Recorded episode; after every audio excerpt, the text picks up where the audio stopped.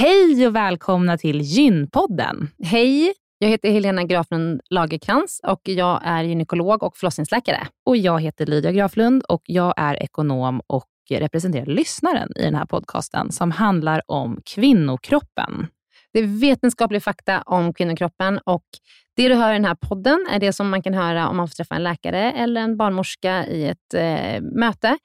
Men ibland så bjuder vi in gäster som berättar om sina personliga erfarenheter och ibland är det också spekulation, men då är det verkligen tydligt att det är spekulation. Annars är grunden för den här podden vetenskaplig fakta om kvinnokroppen. Så är det. Hoppas att ni vill lyssna. Välkomna. Välkomna.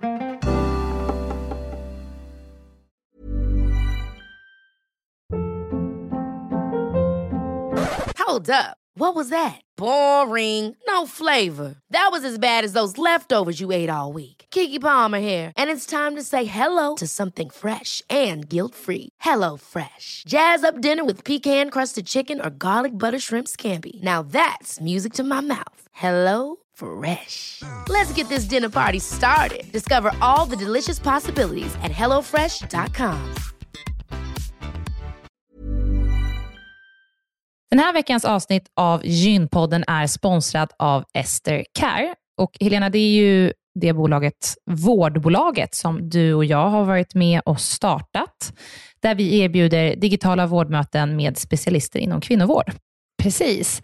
Och vi vet att det är väldigt mycket vårdpersonal som lyssnar på Gynpodden, vilket vi är jätteglada för. Och vi behöver alltid fler gynekologer till SDKR. Så därför vill vi nu göra en shout-out till alla er som lyssnar ute som vill vara med och förändra svensk kvinnovård. Vi söker specialister inom gynekologi, men också ST-läkare som har kommit en bit in i sin ST och som vill arbeta digitalt eh, med handledning på, hos oss på SDKR. Mm. Och precis som det är för våra patienter som kan söka vård hos oss, det vill säga att de kan bo vart som helst i landet eftersom vi är digitala. Om man laddar ner appen och så bokar man ett vårdmöte, så kan ju även läkaren bo vart som helst i landet eller flytta under tiden man jobbar hos oss. Det är ju väldigt, väldigt flexibelt eftersom eh, man jobbar hemifrån. Och Jag tänker att det måste ju också vara helt underbart att som läkare kunna arbeta hemifrån och planera sin egen tid några dagar i veckan. Ja, verkligen. Och samtidigt vara med och förändra kvinnovården med kollegor som är otroligt drivna och engagerade. Det är jätteroligt att jobba på SDKR. Och jag tycker att det här är en häftig grej som vi gör just nu, att vi erbjuder gyn, äh, gynvård i hela landet. Och vilka är de vanligaste patientmötena du tar, Helena? Ja, men det är ju klimakteriet, eh, PMS, eh, mensbesvär. Och det är ju såklart ärenden och eh, diagnoser som går att hantera digitalt. Men vi remitterar också vidare när det behövs mm. Eh, och tar labbprover när det behövs mm. och så vidare. Mm. Så gå in på sdcare.com, klicka på jobba hos oss i menyn för att läsa mer och skicka in en ansökan. Tack så mycket. Tack och välkomna. Välkomna till ett avsnitt som kommer att handla om att föda barn för tidigt. Mm. Eh, ett eh, rörande avsnitt kan jag tänka mig att det blir. Eh, vi kommer prata om hur det är att få ett barn för tidigt, vad det finns för anledning till att man föder barn för tidigt, hur mm. det är på neonatalen. Hur det känns. Hur det känns att vara förälder på neonatalen. Mm. Och eh, lite med hemsjukvård, vad som händer när man blir utskriven från neonatalen. Och vem är vår gäst? Och vår gäst är Milla Belkacem, neonatalsjuksköterska och barnmorska. Mm. Välkommen Milla. Tack. Välkommen. Milla, eh, du har skrivit en bok som heter Föda för tidigt. Mm. Och istället för att ge dig ett vanligt intro med massa meriter och allting, så ska jag läsa förordet till din bok, för den är, det är så fint. Mm. När jag tog mig in genom den tunga glasdörren till neonatalen på Karolinska Universitetssjukhuset var det som att kliva in i en alldeles ny värld. Det var med viss tveksamhet som jag som barnmorska bekantade mig med avdelningen. Allt var uppskruvat infusionspumpar i långa rader och stora skärmar som pockade på min uppmärksamhet. Det var små blinkande lampor, bländande blått sken och varje liten maskin hade ett eget oljud. Brummande papper och ett slurpande kallsupar. Oväntad extubation och syrgasgrimmor som aldrig satt på plats. Sonder som skulle kollas. Lila till rosa, ljusgrönt, gammalt blod och ystad mjölk. Babysemp, BMD, BME eller var det PND?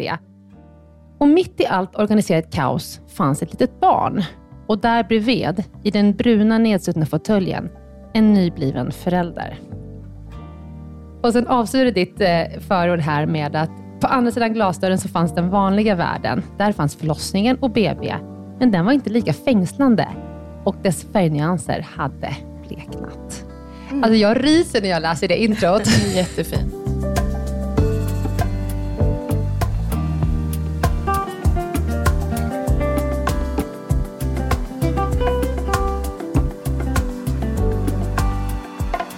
Så du är ju barnmorska och så har du gått från BB och förlossningen till att arbeta på neonatalavdelning.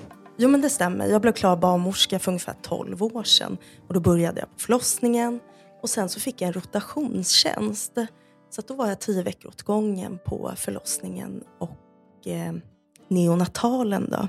Och neonatalen, det, det är nog inte alla som vet riktigt vad det är förrän man hamnar där med sitt barn. Och enkelt förklarat så kan man ju säga att alla barn som behöver mer vård än vad BB kan erbjuda, de får hamna, eller de är på neonatalen. Då. Så det är lite mer av en specialiserad BB-avdelning. Och det är bara nyfödda barn vi har hand om. Så det är neonatalen. Mm. Så, men man vårdar inga mammor där? Nej, det Nej. gör man inte. Sen är det lite beroende på utformning, då, hur sjukhuset ser ut. Eh, Karolinska hade en period att vi kunde eh, vårda den nyförlösta mamman tillsammans med sitt barn som mm. krävde då specialiserad neonatalvård. Men det har vi tyvärr inte längre, utan där sker en separation. Då. Så då är mamman kvar på förlossningen och sen så förs barnet över till neonatalen? Ja, så mm. är det. Och då får, om det finns en partner, eh, en till mamma, en pappa, pappa eller en anhörig som är med på under förlossningen, då får den följa barnet till neo. Mm. Och, och vid vilka tillfällen så förs man till neo? Vad, vad är vanligast? Ja, alltså de, de vanligaste anledningarna det är ju de här lite lättare liksom, åkommorna. Eh, vi tar ju hand om för tidigt födda barn, men även barn som har haft en tuff start. Mm. Eh, och den stora majoriteten, det är ju lätt prematura. Att man är, att man är född ganska nära fullgången tid, mm. men man är inte riktigt fullgången. Eller de här fullgångna som, du vet, det har varit en långdragen förlossning, det, du vet, de kommer ut och det är lite, de stånkar och de stönar och kommer inte riktigt igång i sin ja, men liksom, omställningen sker inte helt, utan de behöver lite hjälp. Andningshjälp då, att omställningen till att börja andas. Mm. Ja, Mm, det är oftast det vanligaste. Oftast det. Mm.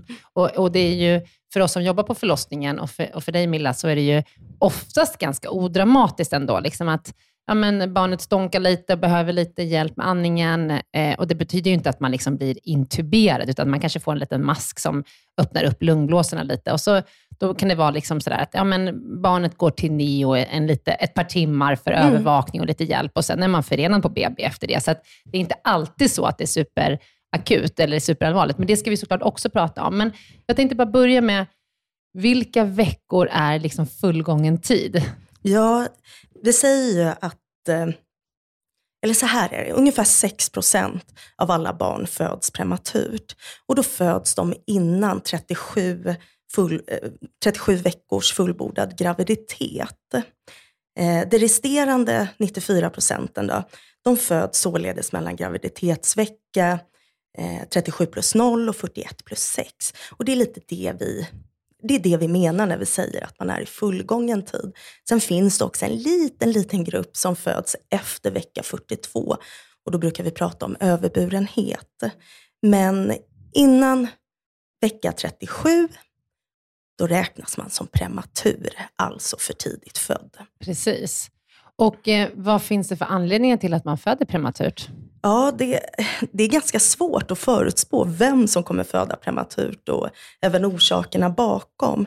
Och det är inte alltid vi hittar orsaken bakom heller, utan ungefär 50 procent av alla prematura förlossningar, där vet vi faktiskt inte varför. Utan ibland är det bara så att liksom, eh, vattnet går, eh, verkarna tilltar och med det så eh, mjuknar livmodertappen och barnet Eh, liksom rotera ner i förlossningskanalen.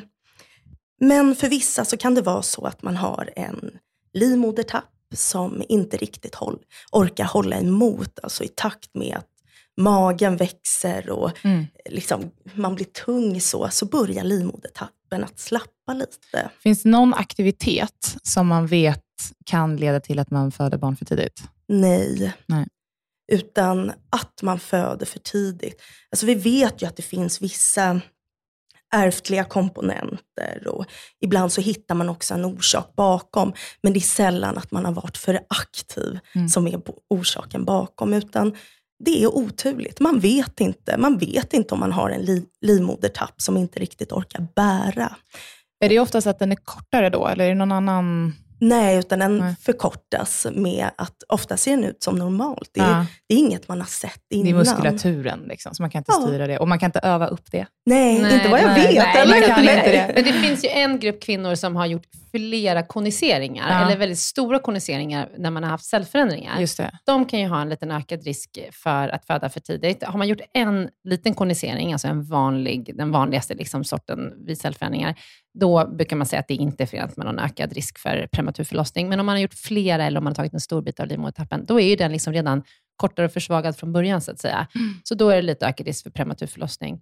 Men sen har vi ju eh, alla kvinnor som har havandeskapsförgiftning, som Mm. vi pratade om i tidigare poddavsnitt här, ehm, som, eh, där mammorna blir väldigt sjuka eller där barnen är väldigt tillväxthämmade. Sen så kan det vara ibland diabetesmammor som har en väldigt stor bebis som måste sättas igång och födas tidigare för att den inte ska bli för stor. Och Varför, varför blir bebisar till kvinnor som har diabetes större? för att de har eh, mycket socker. Mm. Då växer man mer. Ja. Ja.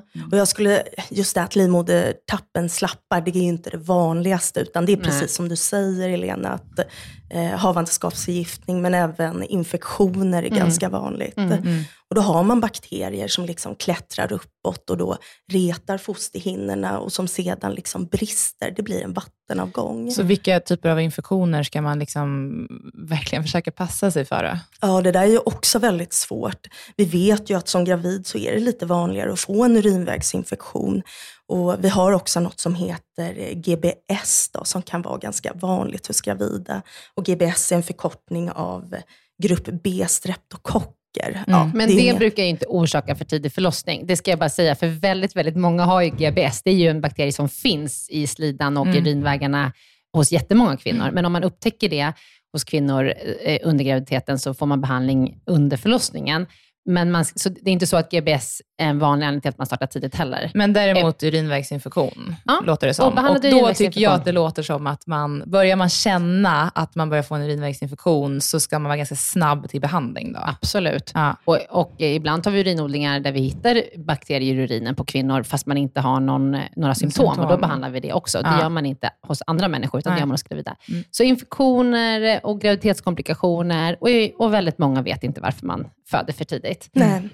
Och eh, på förlossningen, så, om, om vi inte ser att det finns någon anledning till att försöka, liksom, eh, ibland så finns det anledning till att inte försöka stoppa förlossningen, till exempel om bebisen mår dåligt eller mamman mår dåligt. Men om man startar med verkar, om man är sådär vecka 32 eller 33, då försöker vi kanske hejda verkarna lite grann och det kan man göra på antenatalen, alltså på, på avdelningen där man ligger innan förlossningen så att säga.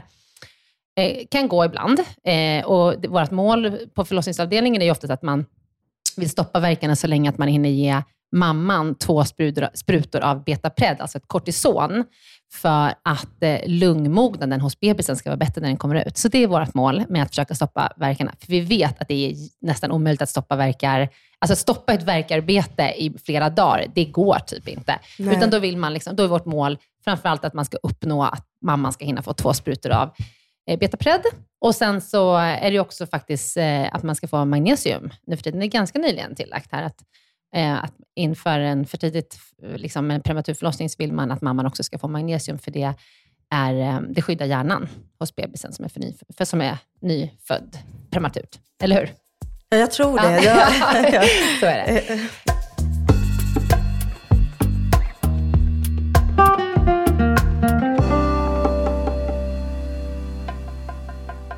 Men okej, men då har, då har vi, om vi tänker på det här liksom mera prematura barnet, Mm. som är kanske född i vecka 28, mellan 28 och vecka 32, eller sånt där. Man, man har kommit förbi den absolut mest extrema prematurförlossningen, men barnet måste vårdas på neo. Hur är det? Hur är det på förlossningen? Hur är det liksom tiden efter? Både för bebisen och för föräldrarna?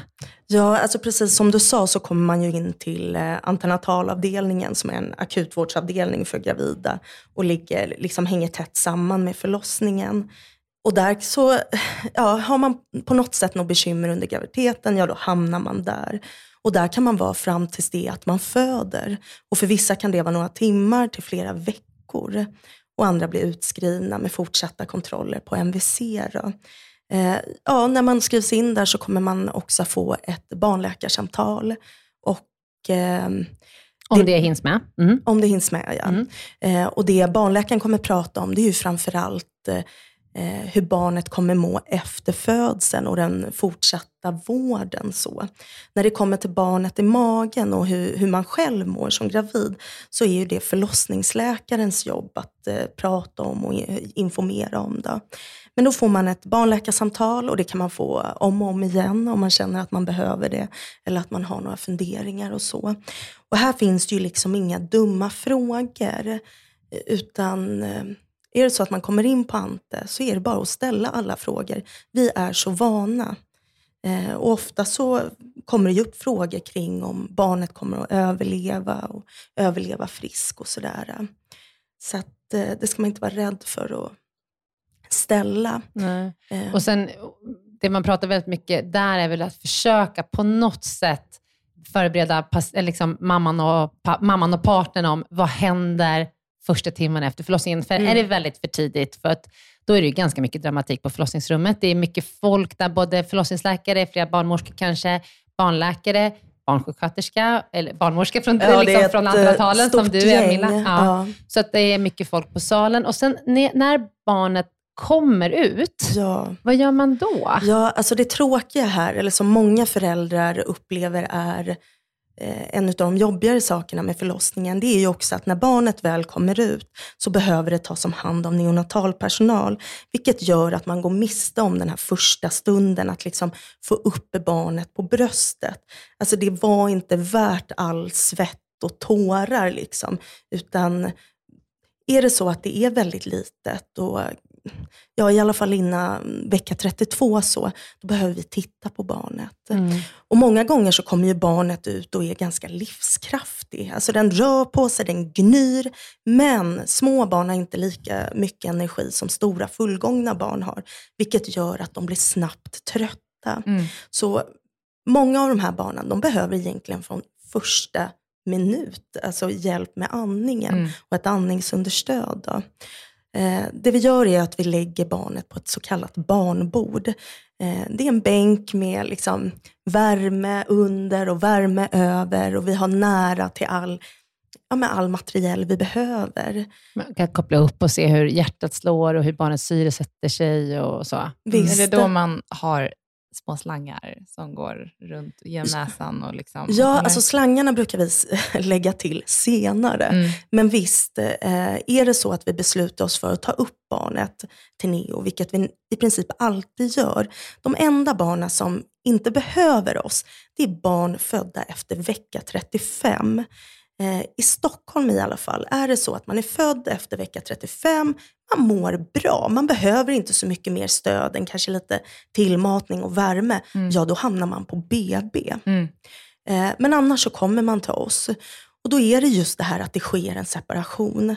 Mamma får vara kvar på förlossningen vi åker upp till Neo. Då. Har det att göra med att man efter vecka 35 så är barnet fullgånget? Alltså det ja, väldigt nära fullgånget. Ja, ja. Fullgånget är från 37 plus 0, men okay. att det är så pass nära fullgången tid att det ändå klarar sig bara med, med, med mamma och lite extra påkoll kanske av barnmorska och barnläkare och så, men att man klarar sig på BB. Ja.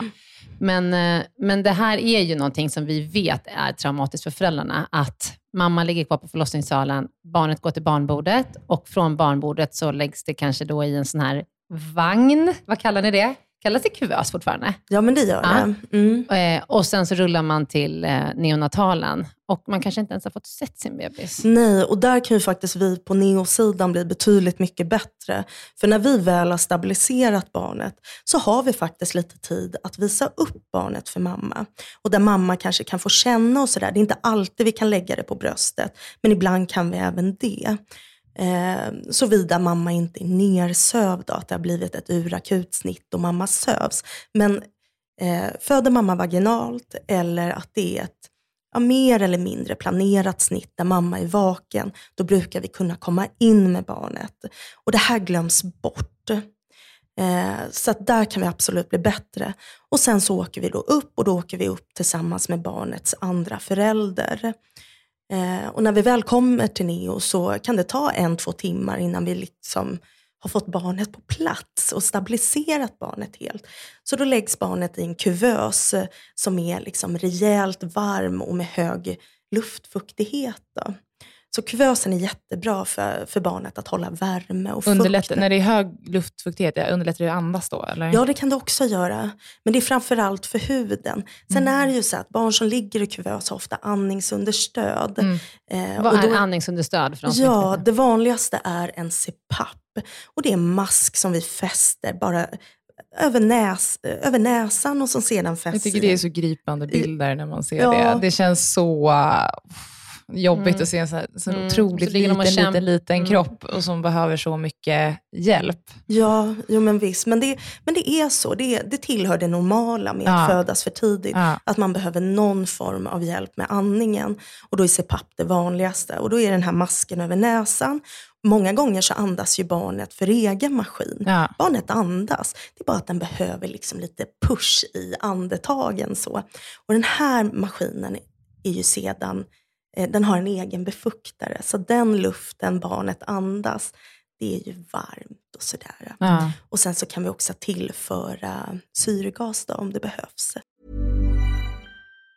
If you thought the only way to get a more defined jawline with natural looking results was through surgery, think again. Juvederm Volux XC is a non surgical injectable gel filler that improves moderate to severe loss of jawline definition and can help you achieve natural looking results with little downtime. Even better, this improved definition lasts up to one year with optimal treatment. No maintenance required. Improve jawline definition for a smooth, sculpted look with Juvederm Volux XC. For important safety information and to find a licensed specialist, visit juvederm.com. That's J U V E D E R M.com. Not for people with severe allergic reactions, allergies to lidocaine, or the proteins used in Juvederm. Common side effects include injection site redness, swelling, pain, tenderness, firmness, lumps, bumps, bruising, discoloration, or itching. There's a risk of unintentional injection into a blood vessel, which can cause vision abnormalities, blindness, stroke, temporary scabs, or scarring. Talk to a licensed specialist to find out if it's right for you. Ready to pop the question? The jewelers at BlueNile.com have got sparkle down to a science with beautiful lab grown diamonds worthy of your most brilliant moments. Their lab grown diamonds are independently graded and guaranteed identical to natural diamonds, and they're ready to ship to your door. Go to BlueNile.com and use promo code LISTEN to get $50 off your purchase of $500 or more. That's code LISTEN at BlueNile.com for $50 off. BlueNile.com code LISTEN. Veckans avsnitt av Gynpodden är sponsrat av mittpreventivmedel.se som är en informationssida från Bayer. Mm. Jättebra informationssida. Eh, den, den är full av information och material för att du på bästa sätt ska kunna välja vilken preventivmedelsmetod som passar dig allra, allra bäst. Och Det vi tänkte prata om idag det är att det finns något som heter samtalsguide Mm. på den här sidan. Mm. Och Det är ett formulär där man har, får en massa frågor, till exempel så här, att komma ihåg att ta med preventivmedel dagligen är inget problem för mig, eller ibland svårt, Mm. eller inte min grej Mm. eller eh, om jag blev gravid nu och så vidare. Liksom. Så att man får kryssa i en massa frågor och ta ställning och fundera innan du Mm. träffar din gynekolog eller barnmorska, så att du liksom verkligen får med alla frågor som är viktiga för dig i det där mötet. Ja. Så man kan fylla i den på den här hemsidan, så kan man skriva ut den här blanketten och ta med den. Ja. Jag skulle säga att, att det verkar som att det är framförallt fyra kategorier som Mm. är väldigt viktiga. Och sen, Mm. så, sen så spelar det ju in vad du har tagit innan och hur det funkat för dig och, Mm. sådär, och din historik. Men det verkar ju som att det handlar mycket om hur liksom ordningsam man är, eller hur strukturerad man är, att kunna ta någonting dagligen. Mm. Eh, hur viktigt det är att man inte blir gravid. Mm. Eh, användning av hormonella preventivmedel. Eh, och om man vill påverka sin menstruation på något sätt. Mm. Så det verkar som att det är de fyra kategorierna som man, man bör fundera på innan Mm. man väljer ett preventivmedel. Man får bra guidning i hur man ska svara på de här, eh, med olika kategorier och olika svar. Och Sen så tar man med sig det till sitt möte med barnmorska och gynekolog och då är man väl förberedd. Mm. Och Jag lovar er att om ni gör det här innan ni går eh, till en barnmorska eller gynekolog, då kommer ni få mycket bättre hjälp. För att det här är liksom ingenting som bara finns i en, utan man måste liksom fundera lite på Ja. så här, vad är viktigt för mig. Vill jag ha mens eller inte? Ja. Och så vidare. Så att, gå in på mittpreventivmedel.se och titta runt där och gör den här eh, ja, samtals, ja, samtalsguiden. samtalsguiden. Ja. Tack Bayer för att ni har utvecklat denna braiga sida om Ja. preventivmedel. Den är otroligt bra. Mm. Tack så jättemycket. Tack.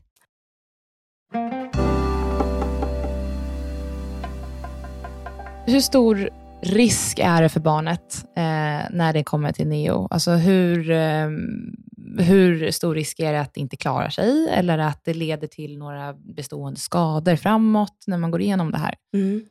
Eh, det är en väldigt bra fråga. Så. Eh, mycket beror ju på när barnet föds. Och vi sa ju innan att, eh, eller jag vet inte om jag sa det, men idag så räddar vi ju barn från vecka 22 plus 0. Mm. Och Det är otroligt tidigt. ja, det är tidigt. Men, Ehm, och hur, kan inte du bara lite bena ut det här med 22 plus 0? För om man föder 22 plus 0 så kan man försöka rädda det barnet, men inte alltid, eller hur? nej, utan det är ju så att eh, många av de här barnen, de överlever inte. Nej. Och de överlever inte förlossningen. Nej. Eh, så är det så att barnet kommer ut och visar eh, livstecken och liksom är ja, lite vital, så att den rör på sig och så, då gör vi ett försök. Och det man börjar med är ju att intubera de här barnen. Så då får de en tub via näsa eller mun ner i liksom luftvägarna som vi sedan kopplar till en respirator. Eh, och då tar vi upp dem på avdelningen och så ger vi dem en chans. Många barn mår ganska bra, eller ganska så okej det första dygnen så. Men sen så stöter man ofta på komplikationer.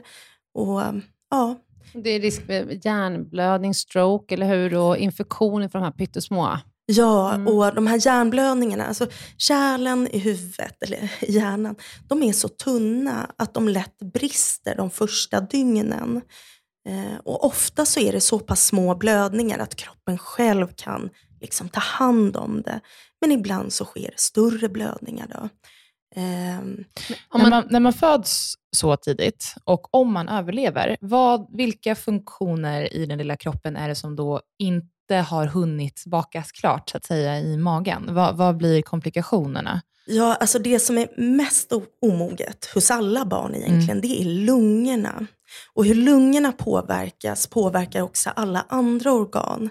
Så att det gäller ju att vi kan syresätta de här barnen bra. Alltså att det är bra cirkulation på blodet och det till, eh, innehåller tillräckligt med syre. Mm. Så att liksom inte andra organ också tar skada.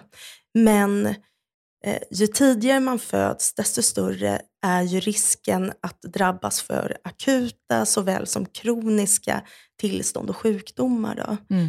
Eh, Det är svårt att säga exakt vad som kommer hända för det enskilda barnet. Men på gruppnivå så kan man ju säga att det kognitiva hänger lite efter och eh, många kommer behöva bära glasögon. Och Mm.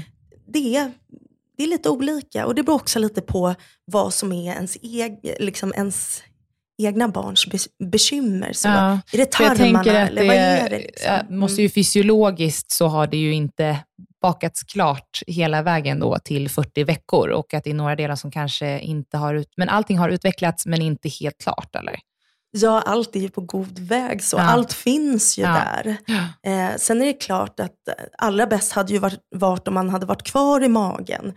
Eh, men det går lite långsammare på utsidan. Mm.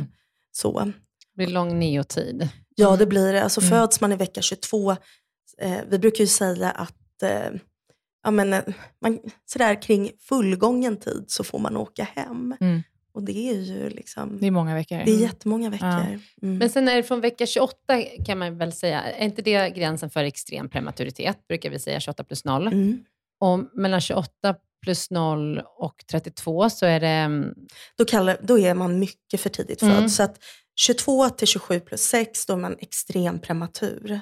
Alltså extremt för tidigt född. Och 28 plus 0 till vecka 31 plus 6, då, alltså vecka 32, så är man mycket för tidigt född. Och egentligen så är det inte, alltså de här gränserna i verkliga livet är ju egentligen inte jätteskarpa.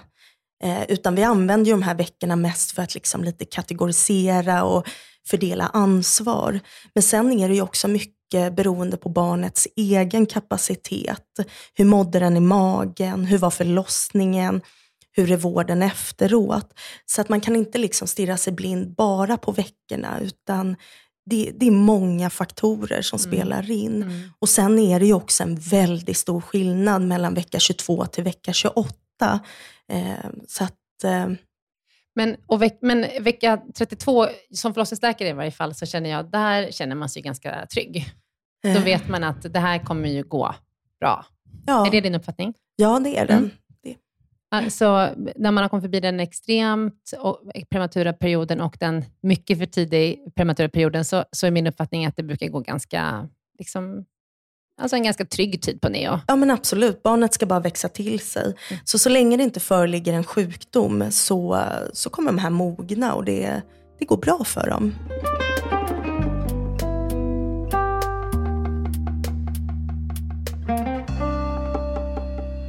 Hur är tiden på neo för föräldrarna då? Mm.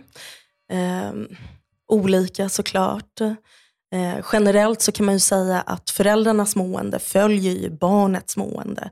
Att ju sjukare barnet är, ju längre man är på neo, desto sämre mår föräldrarna. Men initialt så där så ehm, är det ofta en ganska stor chock. Vissa föräldrar säger inte mycket alls, andra gråter. Eh, och ehm, Ofta så brukar de nästan beskriva det som att hjärnan hänger inte med.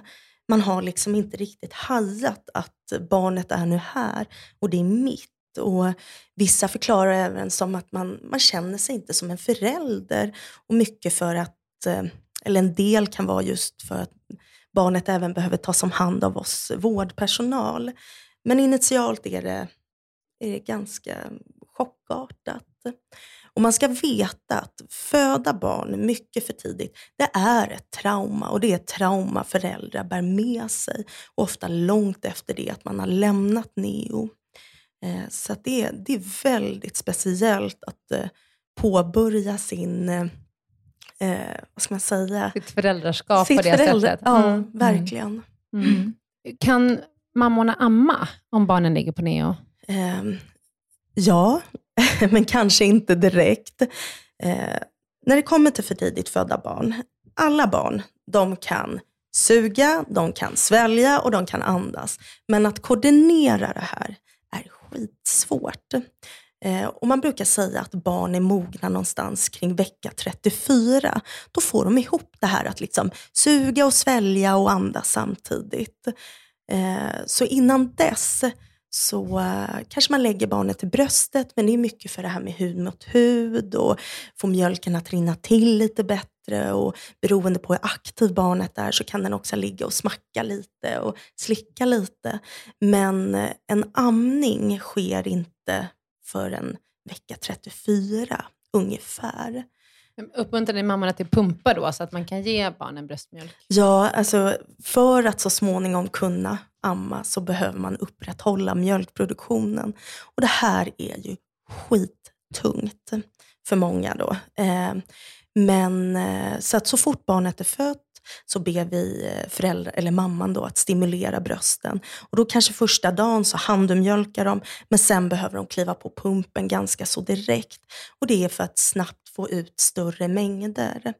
Och är då barnet eh, fött i vecka 28, ja men alltså då tar det kanske en, två månader innan man, man kan lägga barnet i bröstet och bröstet, eller förlåt, och barnet eh, ammar mer eller mindre aktivt. Eh, så att det är ganska tufft för de här föräldrarna.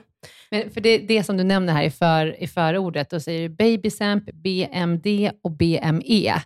Ja, Babysamp vet ju alla, det är den här vanliga som man kan köpa på ICA, ja, en ersättning. BME, det är bröstmjölk egen, alltså mammas egen. Och BMD, eh, står för bröstmjölk donerad. Och det är också så att många av de här barnen, det tillhör vanligheterna att de får donerad bröstmjölk. Så har man inte tillräckligt med egen mjölk, det tar ett tag för den att rinna till, vilket är helt normalt. Så att de första dag, dagarna kanske man bara har några droppar, men sen med, i takt med att liksom, man får ut mer så kommer också större mängder. Eh. Men du, sa, det, du sa att det är många, att det är stort trauma. Mm. Får, man, får föräldrarna, har ni mycket kuratorer och stöd för liksom, för föräldrarna också, eller är det mycket fokus på barnen bara på Neo? Det är mycket fokus på barnen, det är det, men vi håller på att bli bättre. Varje neonatalavdelning har en kurator kopplad till sig. Sen kan den vara mer eller mindre på avdelningen, men det finns kuratorer och eh, alla föräldrar borde bara liksom få en kuratorskontakt direkt egentligen. Eh, sen finns det också så att vi kan skicka en remiss för psykologkontakt. Då. Eh, så allt finns på NEO.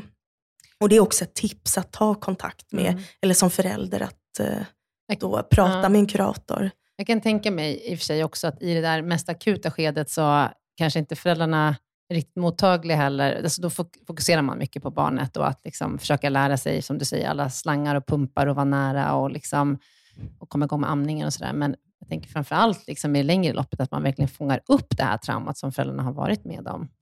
Ja, för att, ja men verkligen, för det är ett trauma. Mm. Det är otroligt många känslolägen och känslor man går igenom på neo. Mm. Eh, all den oro och ovisshet. Eh, och precis lite som du sa innan Lydia, så här, man, man har de här frågorna, men hur kommer det gå? Kommer mitt barn att överleva och överleva frisk? Eh, och Det här är liksom tankar man behöver ventilera. Mm. För annars går man bara och samlar på sig det här och så blir liksom kraschen än större när man kommer hem. Då. Hur, hur trygg kan man känna sig på Neo? För jag, jag känner ju att jag har ändå, man har ändå ett väldigt stort förtroende för sjukvården i Sverige, även om det är kaos emellanåt i media och, och liksom att man ser att det brister på sina håll, så har vi ju ändå en grundläggande väldigt bra sjukvård i Sverige jämfört med många andra delar av världen. Hur, hur mycket kan man lita på att Neo kommer att lösa det, så att säga, om man kommer dit med sin bebis? Hur mycket förtroende kan man ha? Ja, det beror på vad du menar med att lösa det. Men, eh, att man kommer därifrån med sitt barn, tror jag. Det är det man liksom... Ja. Alltså det är ju så att människokroppen är ju begränsad. Mm. Och det kommer vara så att det är barn som inte överlever. Mm. Det går liksom inte att komma ifrån. Men neovården i sig är super papper. Mm. Och du kommer knappt hitta någon bättre neovård än den mm. vi har i Sverige. Mm. Så när det man känns väl, ju tryggt. Ja, så ja. när man väl har kommit till oss på neo så blir barnet väldigt väl genomkollat. Ja. Så. Vi gör en otroligt mycket undersökningar och våra läkare och även syrror är otroligt kompetenta. Mm. Så att eh, man kan känna sig trygg med oss, mm. absolut. Man kan känna sig trygg med att ni kommer ge den mest kompetenta ja, vården man kan få allt. i det här tillfället. Ja. Och, och, det är ju också så, i och med att vi bor i, i Sverige, som är ett ganska rikt land, så, där, så att när vi satsar på ett barn, alltså då, då gör vi allt. Ja. Och går inte då, ja då går det inte. Nej, exakt. Det, det, det känns ändå tryggt. Mm. Ja. ja det gör det. Och fint att vi kan ha den vården. Jag, jag, ska bara dra en liten anekdot från en kompis som berättade. För att vi på förlossningen, vi är ganska snabba, i varje fall i Stockholm som har neonatalen så himla nära förlossningsavdelningarna. Vi är ganska snabba på att ringa på er. När vi märker liksom, ah, men här är ett barn som är lite stånkigt och andas lite oregelbundet, eller så här, då ringer vi på Neo. Då var det en vän till mig, en pappa då, som hade fått barn och sen, då, med kejsarsnitt och så var de på barnbordet då, utanför operationssalen och, och eh, Neo-doktorn blev ditringd. Och det var liksom den här masken, se pappen och du vet, man blir uppkopplad med EKG och sådär. Det gör vi på alla bebisar som ligger på barnbordet. Men som förälder så är man liksom inte insatt i vad är bara normalt, liksom, normala kollar och vad är lite speciellt för mitt barn och hur illa är det här? Liksom. Och det kanske man inte kommunicerar första minuterna. Och då berättade han att jag var livrädd. Vi stod där vid liksom bordet och han var uppkopplad, min son. Och, och så ringer telefonen och så tänker jag, nej, vad händer nu? Ska liksom neoläkaren bli eh, jourring till något annat? Och så svarar han så här, ja, mm, mm, jag förstår. Ja, men du, då tar jag en räksallad. och då så sa han så här, okej okay, jag fattar. Det var inte allvarligare än att en kollega kunde ringa och kolla, så här, ska jag köpa lunch till dig? Ja. så det är så här, det behöver ju absolut inte vara förenat med livsfara när man ringer på neo, Nej, utan nej. ibland vill man bara ha lite stöd som Ja. barnmorska eller förlossningsläkare. Så här, mår barnet bra? Ja, men och verkligen. Alltså det, det, man ska ringa Neo. Mm. Och jag tänker också som förälder, fasen, alltså, är någon lite osäker, det första man vill är väl att de ändå ska gå och liksom höra med någon annan. men den så här, vad tycker du? Och ja. sådär. Så att, att ringa Neo, det är inte något farligt och det, det ska man göra. Och då kan man ju också vara lite, liksom, när vi har sagt att ah, men det ser okej ut, då kan man också vara ganska trygg i det. Det är okej. så att, liksom. Ja men precis, så att man ska ringa oss. Det. Mm. Men Milla, när ett barn då har legat på neo och man har vårdats där kanske ett par veckor för att man har varit för tidigt född. Eh, sen kan man bli utskriven med hemsjukvård. Hur funkar det? Ja, eh, för, för våra prematura framför allt, som eh, behöver lite utökat stöd, de får åka hem med hemsjukvård. Ungefär som hemtjänsten för de gamla. Då. Men det som ofta hänger kvar det är ju matningen. Våra barn på neo, de sondmatas. Eh, det kan vara lite svårt att liksom bli av med den här sonden. Man blir det alltid så småningom. Men de behöver träna amning eh, eller de behöver träna på nappas. Och, eh, Nappas, alltså nappflaska? Ja, Mm. äta på nappflaska. Då. Så man är så pass frisk att man kan lämna neo, men det behövs ändå någon som tittar till dem Och ibland. då kommer en sån som du dit? Ja, Ja. så kan det vara. Ja, Inte just jag, Nej. men Ja, men, Eh, men, vi har flera ett gånger om dagen eller? det beror lite på vilket stöd barnet eh, och familjen behöver. Mm. Så i början lite tätare och sen lite glä, eh, glesare och då får man en sjuksyrra tilldelad sig. Då. Och det är den personen som kommer. Mm. Eh, och, och, ja, hemsjukvården är ju kopplad till avdelningen och mottagningen. Eh, så får man, ja, så småningom så blir man ju utskriven och då Mm. är det BVC som tar över. Mm, just det. Och jag tänker det är så mycket som man behöver prata om här, liksom hur, om man har äldre barn, hur det fungerar liksom när man har barn där hemma och också ska vara på neo och så. Men det tänker jag att vi ska ta i ett annat avsnitt, Mm. ta liksom lite större grepp över den sociala biten. Ja, Mm. och jag tänker också att vi borde ha ett avsnitt kring, kring amning av nyfödda, Mm. men också föräldrars mående. För Mm. det kan man prata länge om. Mm. Det här var mer grundläggande. Ja, Ja, det var- verkligen. Det var en crash, Men då får vi anledning till att bjuda hit dig igen. Ja, Verkligen. Tack så hemskt mycket Tusen Milla. tack Milla. Tack. Superspännande och intressant och fint att få höra dig prata om ditt underbara jobb. Ja, men tack för att jag fick komma.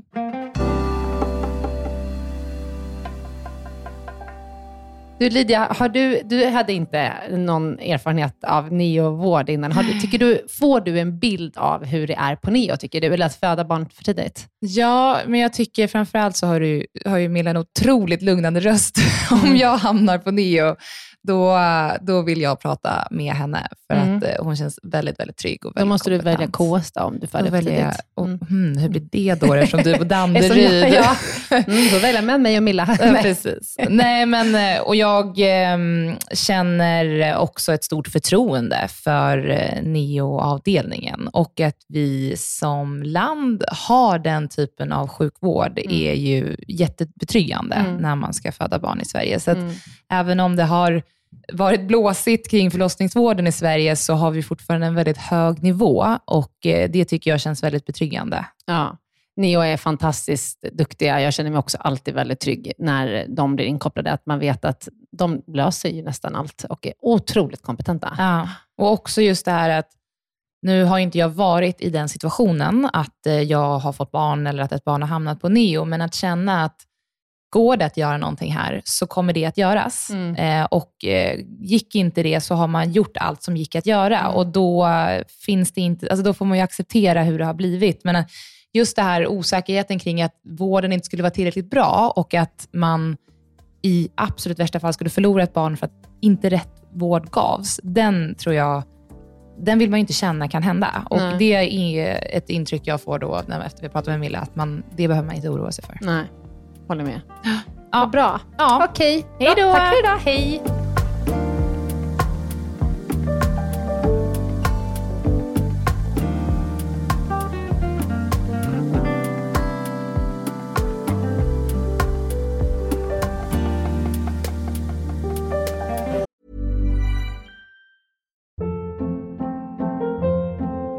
Hold up. What was that? Boring. No flavor. That was as bad as those leftovers you ate all week. Kiki Palmer here, and it's time to say hello to something fresh and guilt-free. Hello Fresh. Jazz up dinner with pecan-crusted chicken or garlic butter shrimp scampi. Now that's music to my mouth. Hello Fresh. Let's get this dinner party started. Discover all the delicious possibilities at hellofresh.com.